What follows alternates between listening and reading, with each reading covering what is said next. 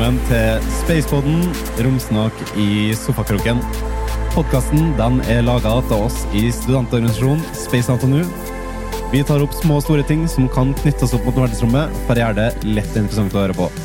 Mitt navn er Erlend Samlåst, og jeg er host for podkasten. Og med meg i dag så har vi med oss representant fra ESABIC Kjeller Innovasjon, eh, nemlig leder for romteknologi, Timo Stein. Ja, hei. Så du har jo vært bitte litt eh, med oss. Vi hadde jo det på Spaceport, eh, og nå skal vi snakke litt mer i dybden om eh, framtidige prosjekt for nemlig Esavik og Kjeller Innovasjon.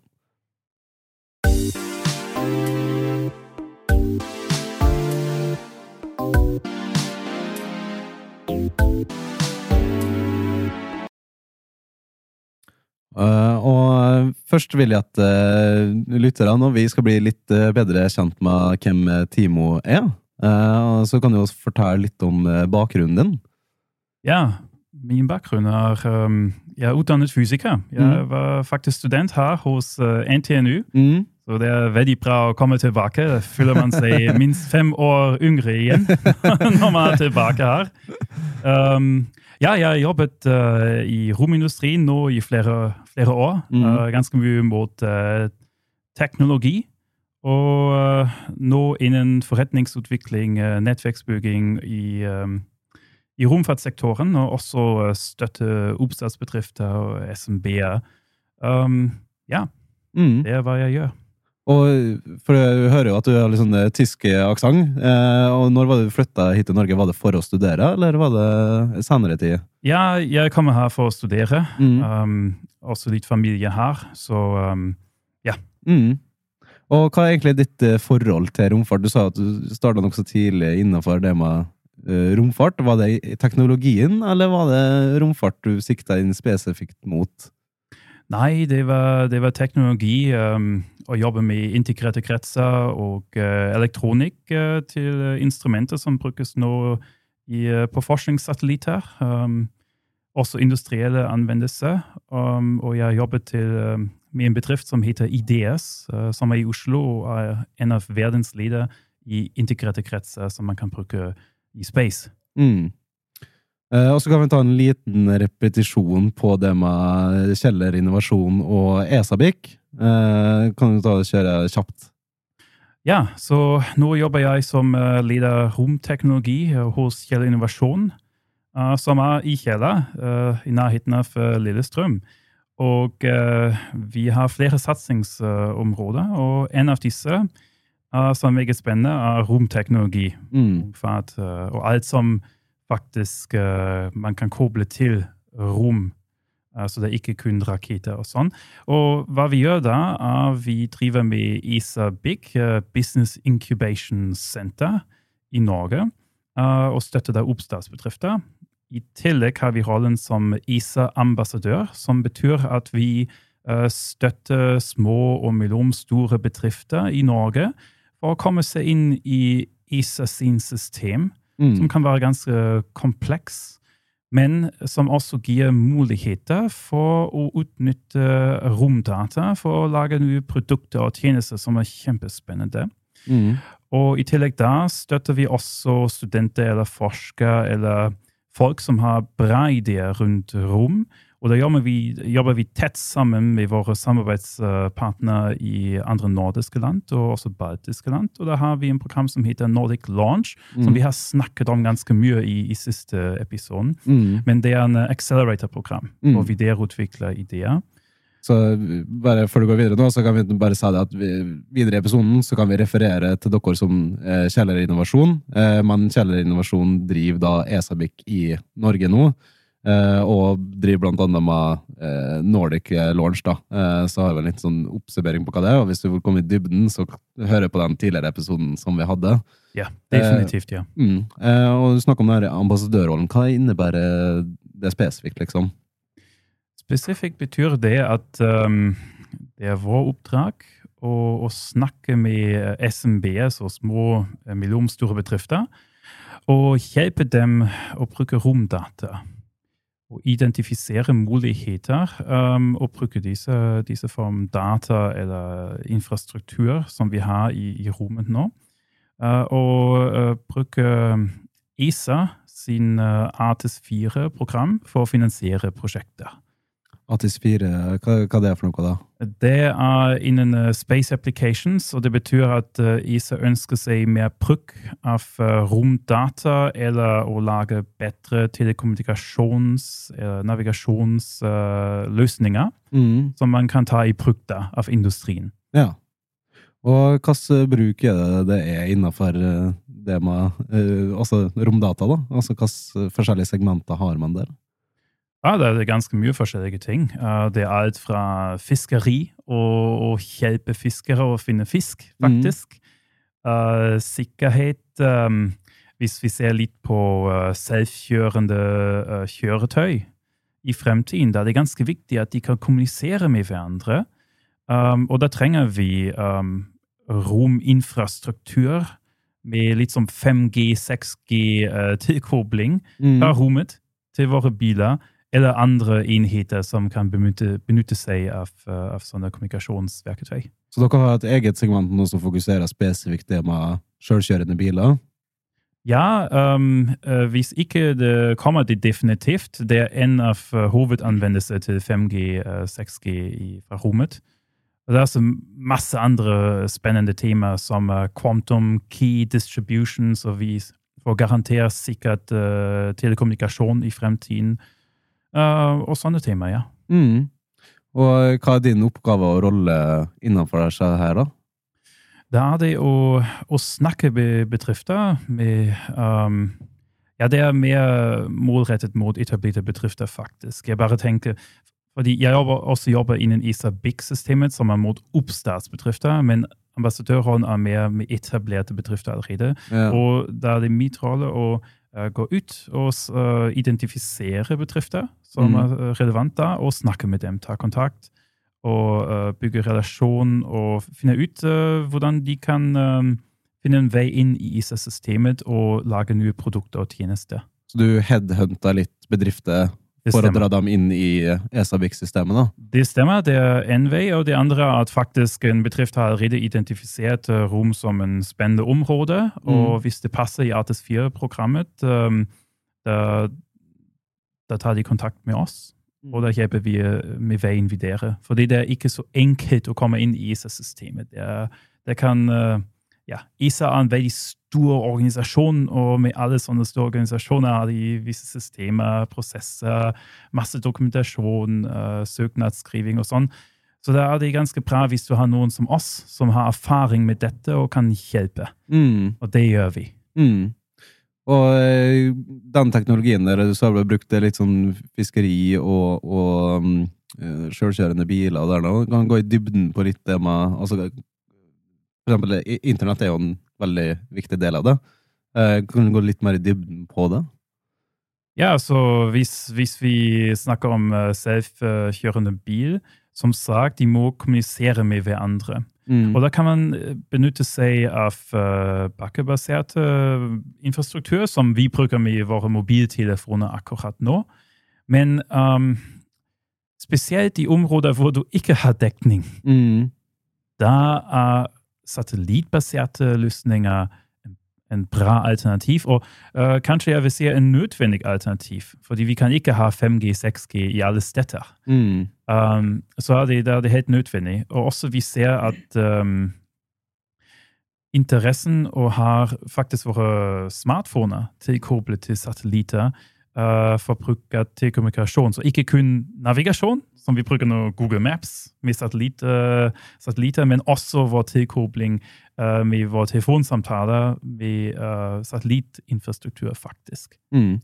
Og det er jo litt med, for dere er jo eh, Jeg vet ikke om det går innenfor det med eh, 5G og sånn, men som du sa, det det er viktig at de prater med hverandre. For tidligere så er det jo at du har en, en maskin som enkeltvis kobler seg opp til internettet, men nå er det jo de maskinene snakker med hverandre.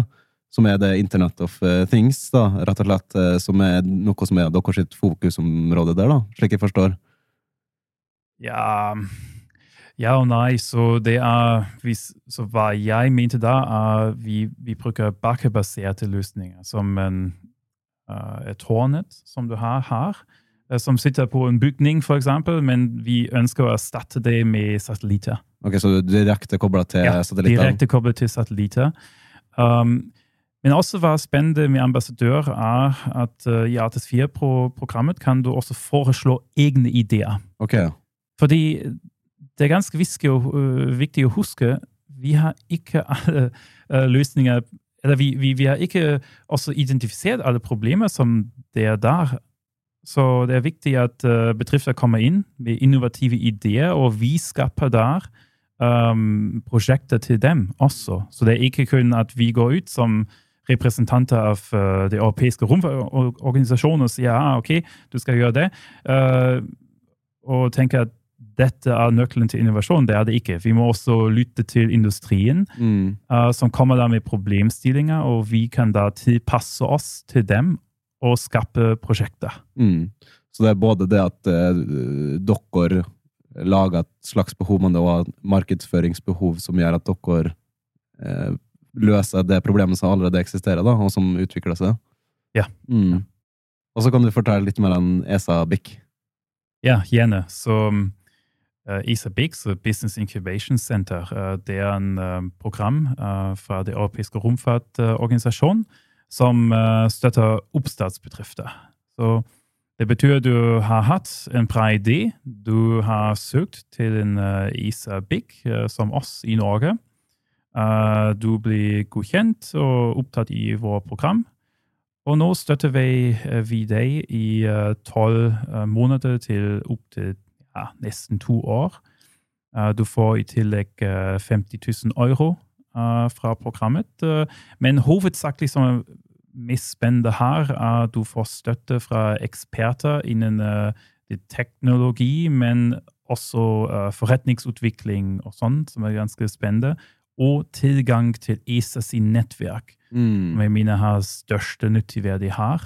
For det er jo vanskelig som startup, som du sa, da, at du kan ha en fantastisk idé og et produkt, eh, men selve det å være en business er jo mye større enn akkurat det, og da kommer det med erfaring av det å være bedrift, og så er det det med nettverket som er veldig viktig, da. Og hvordan er det dere går inn da? Det Ja, det er, det er faktisk under um, evalueringsprosessen der som, som pågår en evaluering mot dine forretningsmessige plan. Og masse oppstartsbedrifter uh, gjør sin første og største feil for å komme med teknologi, og Mm. ikke med en problemstilling med en større nok uh, markedspotensial der. mm. Så vi anbefaler alltid uh, før du søker, at du virkelig går inn i forretningsmessige spørsmål og løse det først. Og da er det teknologi som er verktøy å Mm. løse problemet. Mm. Hvis du gjør det sånn, da har du allerede gjort en, en bra jobb. Så finne ut hvor i markedet du er plassert, på en måte, da? Ja. Mm. Ja. Og vi, vi, vi også som Kjell Innovasjon eh, støtter denne prosessen, og selvsagt eh, i inkubasjonsfasen eh, ja, da finner man ut eventuelt at det, man har tatt uh, feil da og må endre sin plan, og det er helt normalt. Og da, da hjelper vi med denne prosessen også. Mm. Og eh, merker du da at um, For du kan jo gå litt inn på en måte og hjelpe staten, i hvert fall når du snakker om såpass store ting som det med internett og, og den biten der. Så kan jo kanskje at du får litt støtte og dekke det statlige behovet, men så har du òg det markedet generelt og det, det private markedet. Eh, er det et stort skille, sånn tydelig skille der, eller er det en liten miks av både statlig og eh, private markedet du prøver å dekke? Jeg mener det er en blanding, definitivt. Men uh, vi også ser nå i de siste ti år, fem år spesielt, at det kommersielle, så hva du sier, private marked, uh, virkelig tar uh, hovedposisjonen der. Mm. Eh, men det er også avhengig litt av uh, temaet. Så hvis vi snakker om sikkerhet, for Mm. så da er det ganske klart um, fortsatt statlige institusjoner som kommer inn der først. Men selv da, da har du ganske mye private bedrifter som, som tar en viktig rolle, som uh, ICEI i, i Finland. Uh, det er sivil organisasjon, men uh, denne sivile dataen kan man også bruke til militære formål. Uh, vi har ganske mye jordobservasjon uh, som blir brukt i uh, Ukraina-konflikten nå. Mm. det er ting faktisk statlige aktører kan dele, fordi det kommer fra en sivil kilde og må ikke vise fra hva statlige aktører da har. Mm. Så um, det er en ganske interessant um, dimensjon da som kommer inn. Uh, men for å komme tilbake til din um, første spørsmål uh, Hvis det er telekommunikasjon, f.eks., så er det ganske mye private aktører. Du, du selger til sluttbrukere denne tjenesten for å tjene virkelig penger. Mm. Du har også kontrakter med statlige aktører i tillegg, men da fokuserer du til private markeder.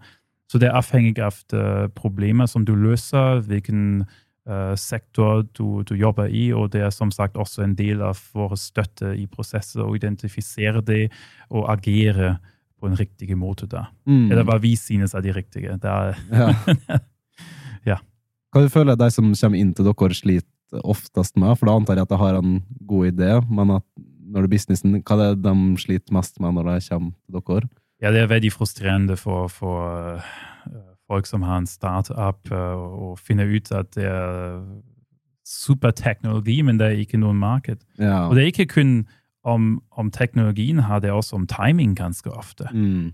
Uh, jeg selv vet om uh, bedrifter som hadde fantastiske ideer ti år siden, men det var ikke noen markedsinteresse, og hvis de skulle ha gjort jobben nå, mm. Så kommer inn penger masse fra investorer fordi nå er det en hot, sexy topic. Mm. Så det er, det er, også timing som er viktig der. Mm. Og det er jo i hvert fall nå når det endrer seg veldig fort, så kan det være veldig eh, vanskelig akkurat den biten der, da.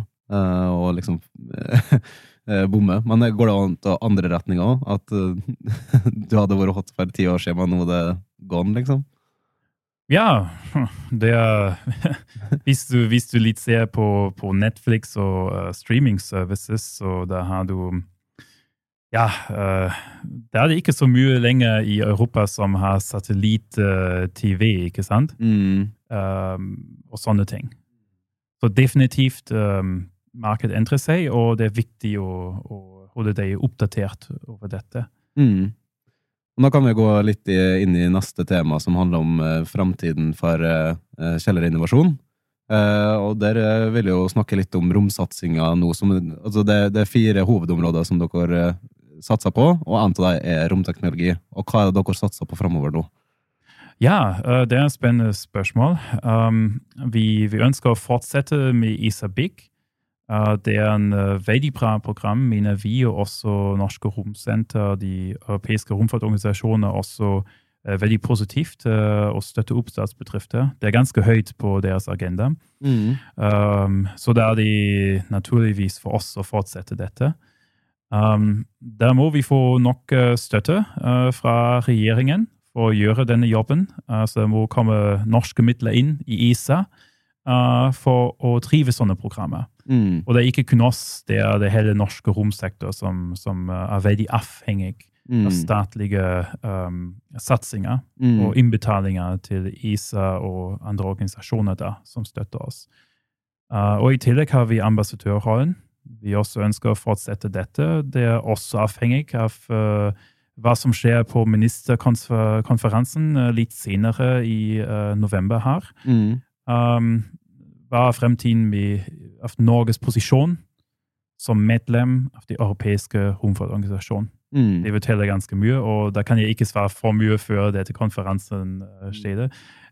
men vi er klart og vi, vi, gleder oss mye hvis vi kan fortsette med ISABIC og ISA-ambassadøren, og også i tillegg med Nordic Launch Accelerator-programmet. Og også vi har identifisert at det er en uh, stor behov for å um, knytte sammen norske aktører innen rom- og romindustrien. Og da jobber vi aktivt mot en uh, norsk uh, romklynge. Mm. Og hva legger du i det med norsk romklynge? Ja, norsk romklynge, så hva, hva, det betyr uh, Vi har flere, ganske mye aktører faktisk, som er fragmentert over hele Norge. Det er pga. at Norge geografisk sett er en stort land. Ikke så mye folk uh, imellom. Um, så da har vi en fragmentert miljø. Og det er også i tillegg vi ønsker å konkurrere med de store i Europa og i verden, og også agere og komme inn i, i flere markeder internasjonalt. Mm. Og da er det faktisk uh, ikke så enkelt hvis du er en små, mellomstor bedrift fra Norge og kommer inn. Mm. Men hvis du er en del av en romklynge, da har du større sjanse fordi du jobber sammen. Du Mm. har, en, uh, du har uh, reached critical mass, som man kan si på engelsk. Um, og også um, har vi opplevd at uh, bedrifter har en uh, viss kompetanse, men de dekker all, ikke alle kompetanseområder som man bør ha. Så denne uh, utveksling av kompetanse um, skaper konsortier, uh, skaper samarbeid. Det mener jeg er ganske viktig. Mm. Uh, fordi akkurat nå er um, industrilandskap ganske preget av kontrakter som går til enkelte bedrifter, Mm. eller de store bedrifter som Kongsberg, Nammo og Korsat. Uh, men det er ikke en overordnet ordning uh, som uh, tillater at SMB-er virkelig arbeider sammen og har hentet inn store prosjekter for å konkurrere med de store i Europa og i verden. Mm. Så hvis jeg har forstått det rett, da, så er det for å styrke Norges posisjon, så samler du norske aktører til en klynge, da, sånn at vi stiller sterkere mot de europeiske konkurrentene. Ja. Mm. Det, det stemmer. Det er flere andre momenter her også som er viktige, som uh, uh, tilbyr kurs, liksom um, Space Academy. Og hva jeg mener med dette, er det er spesielt motrettet mot aktører som er ikke rombedrifter i dag, Mm. men som bør være fordi de kan benytte seg av romdata eller tjenester Mm. og skape da vekst og innovasjon. Og faktisk, hvis du ser til markedsanalyser, så da er det det største potensialet i non-space actors, og ikke i tradisjonelle rombedrifter. Mm. Og det ønsker vi også å utløse, og involvere uh, andre industrier enn de som er i dag allerede i romindustrien, og også koble de sammen med romindustrien. For eh, når du sier at vi skal konkurrere med europeiske aktører, eh, tenker du da på i form av eh, oppskytningsmuligheter, eller handler det om internettmulighetene, eller på hvilket område er det vi prøver å bli bedre på? Jeg mener vi må være åpne til alt. Mm. Fordi det er det ukjente som skaper mest innovasjon ganske ofte. Angående spesielt hva du har sagt, som oppskytningsløsninger, så rakett. Mm.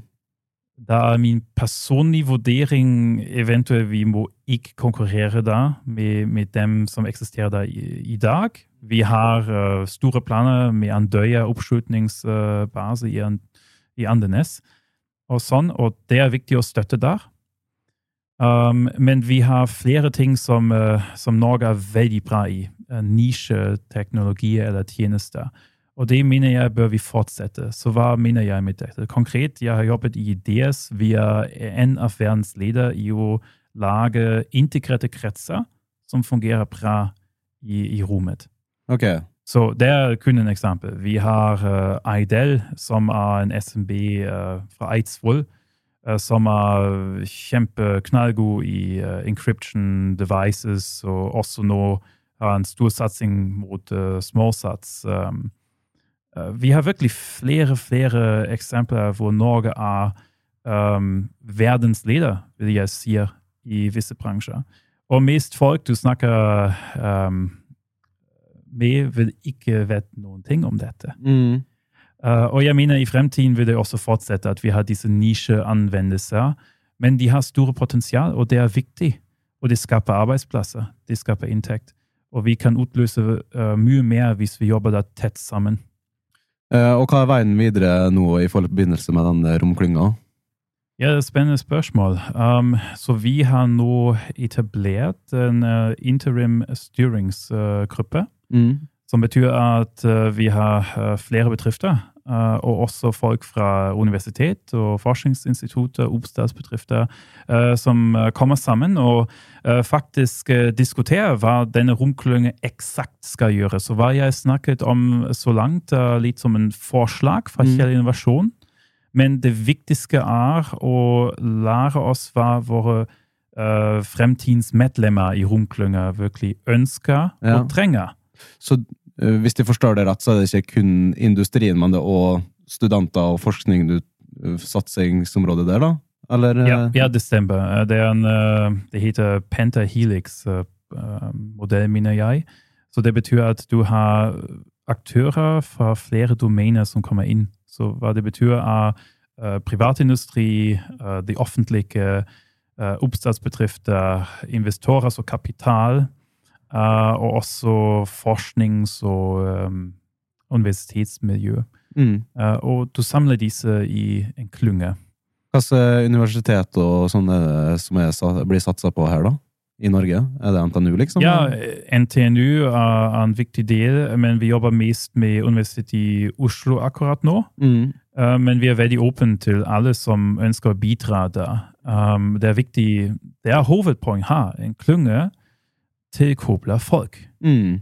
Så da er det viktig at vi, at vi får inn mest mulig aktører, mm. uh, slik at vi, vi, vokser da til critical mass og uh, løser problemer til, uh, på nasjonalt nivå. Mm. Og uh, ja, så det, det, er det. Vi vil ha arbeidsgrupper. Vi vil ha um, en uh, videre utvikling av denne klyngen hvis vi får finansiering da.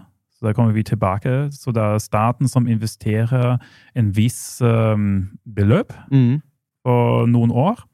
Og da skaper vi denne klyngestruktur, partnerstruktur, medlemmer og utvikler det videre fra der. Mm. Eh, hvordan, eh, trenger ikke igjen en sånn eksakt prosent, men sånn cirka hvor stor del tror du vil være det private markedet? Hvor stor del vil være forskning? Hvor stor del vil være de forskjellige delene? Har du hatt begrep om det? Ja, um, da må du følge litt med, med uh, rommarked. Og det er klar at det er privat. Mm. Kommersielle anvendelse. Ja. Da har vi virkelig hovedfokus på. Mm. Men hvis du ikke støtter da forskning, da kan du, og du foreldre du ikke um, har new state of the art, mm. ja, da er du ja, da vil du være out of business ganske, ganske snart. Så man, man, må ha en balanse mellom uh, kommersialisering og også denne forskningsbiten. Og derfor er det viktig å involvere forskningsinstitutter og universiteter. Mm. Og også å ha en tett uh, tilkobling mellom industri mm. og uh, universiteter og sånn. Men er det dere som bestemmer hva satsingsområdet for forskning som blir satt fokus på, eller spør dere da industrien, og så sammenkobler dere dem, på en måte? Hvis du skjønner hva jeg mener? Vi fasiliterer. Ja. Så det er denne dialogen der mellom industri og akademia som uh, vil skape nye forskningsprosjekter og timer som er målrettet. Så dere vil på en måte bare lage en eh, plattform, sånn at industrien snakker litt med forskningsinstitusjoner og sånne ting? Det er en, en komponent av romklynge, ja. ja. ja. Uh, og hvordan er det i andre land med sånne romklynger, eller finnes det eh, andre eksempler på det i Europa, eksempel? Ja, ja og nei. Så det er et spennende spørsmål. Så vi har um, min, så vidt jeg uh, vet uh, i nordiske land ikke en nasjonal romklynge. Uh, vi har interessensorganisasjoner, og de har vi også i Norge, uh, mm. som NIFRO f.eks. Men de jobber ganske mye mot det politiske. Vi har litt mer prosjektbasert uh, på industrinivå der. Mm. Og videre, hvilke andre involver, sånn spesifikke involverte parter er det i, i den klynga nå, da? Som du kan trekke fram? Du mener medlemmer i styringsgruppa akkurat nå? Ja. ja, da har vi bedrifter som uh, som jeg nevnte før. Um, uh, vi har KOSAT med oss. Um, vi har Universitetet i Oslo. Uh, men det er en interim styringsgruppe, så hva det betyr, er at det er første forslag som kommer inn, og for å skape seg uh, finansiering til Mm. prosjektet. Det er ikke det endelige svar om hva uh, romklyngen skal gjøre. Det er bare det første gruppe av de som var spesielt interessert i å bli med. Mm. Uh, og da får vi um, ja, tilbakemelding og tar det inn i en søknad. Så det er ganske tidlig i fasen med den romklynga nå, da. Det er det, ja. ja. Mm. Og det er masse arbeid, uh, men det er mener, bra investert tid. Mm. Fordi da har vi virkelig noen som kan uh, løse problemstillinger som vi har hatt i flere år i Norge. Mm. Og hvor kan du se for deg at vi er om sa, fem eller ti år, da, i forbindelse med det her? Jeg håper at vi har en veletablert uh, romklynge der uh, med medlemmer. Og hvis vi snakker om fem til ti år, da ønsker jeg virkelig at vi ikke lenger trenger uh, offentlige støtte der, men at det er en så stor nytteverdi at uh, bedriftene eller partnere som er medlem i denne romklynge, betaler en, en, um, en viss medlemsavgift. Mm. Og at det er som en business, uh, at de overlever der Mm. og skaper så mye nytteverdig at uh, vi har nok inntekter der for å Mm. drive med omklynge. Så det vil på en måte gå av seg sjøl uten at du får den statlige avhengigheten? Det stemmer, men du trenger det i begynnelsen for å skape denne value proposition og skape konferanser og møteplasser og sånn. Mm. Da trenger man absolutt statlige investeringer i begynnelsen, Mm. men det er helt naturlig. Mm. Og hvor langt unna tror du at vi er på det punktet? Er det, eller er det umulig å si? Vi håper å ha en um, første klynge på plass neste år. Og såpass tidlig, ja? Ja, ja. Ja, ja okay. Vi jobber aktivt mot dette med Innovasjon Norge, eksempel, eller de fylkeskommuner. Uh, også våre partnere som Nifro er veldig tett involvert i denne prosessen. Uh, vi også ser på andre partnere som um, uh, Spaceport Norway, Mm. Uh, som en viktig plattform der. Um, så romklyngen virkelig er ikke ekskluderende, men inkluderende. Vi ønsker å jobbe sammen med, med alle som ønsker å jobbe sammen der. Mm. Uh, og skape en uh, organisasjon som, som hjelper alle sine medlemmer. Og vi har ganske bra eksempler i, i Norge, um, som uh, Norway Health Tech Mm. eller Oslo Cancer Cluster, som er nå selv uh, De har nok inntekter, Mm. slik at de uh, kan bare fortsette sin arbeid. Og de er jeg mener, på plass for mer enn ti år. Mm. Det er velkjente uh, klynger Mm. i Norge, og vi ønsker å ta samme posisjon, men uh, målrettet til romindustri. Um, og også uh, non-space actors for å utløse enda mer verdiskaping og arbeidsplasser i Norge. Mm. Men hva om jeg da hører på denne podkasten her, og jeg har en liten bedrift, og jeg har ikke fått kontakt av Esabik eh, ennå, men jeg har lyst til å delta, er det en sånn søknadsprosess, eller hvordan er man kan nå ut til, det, til dere? Ja, det, takk for spørsmålet der. Uh, ja, um, gjerne ta kontakt med oss uh, på Kjell Innovasjon. Og uh, vi har vanligvis to ganger i året uh, opptak, uh, så det betyr at du, du søker, du, du skriver en forretningsplan og noen andre dokumenter. Du må også hente inn um, co-funding, Mm. matching capital. Uh, og vi hjelper i denne prosessen. Så jeg sterkest anbefaler, hvis du ikke er allerede i kontakt med oss, ta kontakt med oss Mm. og vi tar det veien videre. Mm. Tar du kontakt med det liksom privat, eller går det via nettside, eller eh, hvordan Ja, du kan bruke våre nettsider, bare, bare bruke Google uh, Isa Big Norway. Ja. Uh, da kommer vi opp. Uh, eller Kjell Innovasjon sin Mm. webside. Uh, men du kan også finne meg på, på LinkedIn eller sånn og ta kontakt. Det er ikke noe problem. Mm. Og eh, vi begynner jo å nærme oss eh, litt eh, slutten her nå, så jeg tenker jeg kan gi deg litt eh, fri mulighet til å nevne ting som du ønsker å ta opp. Eh, Så free mic, vi basically. Ja, takk. Um, ja, så det, det var spennende å komme hit Mm. og uh, komme tilbake til Trondheim. Mm. Det er fantastisk.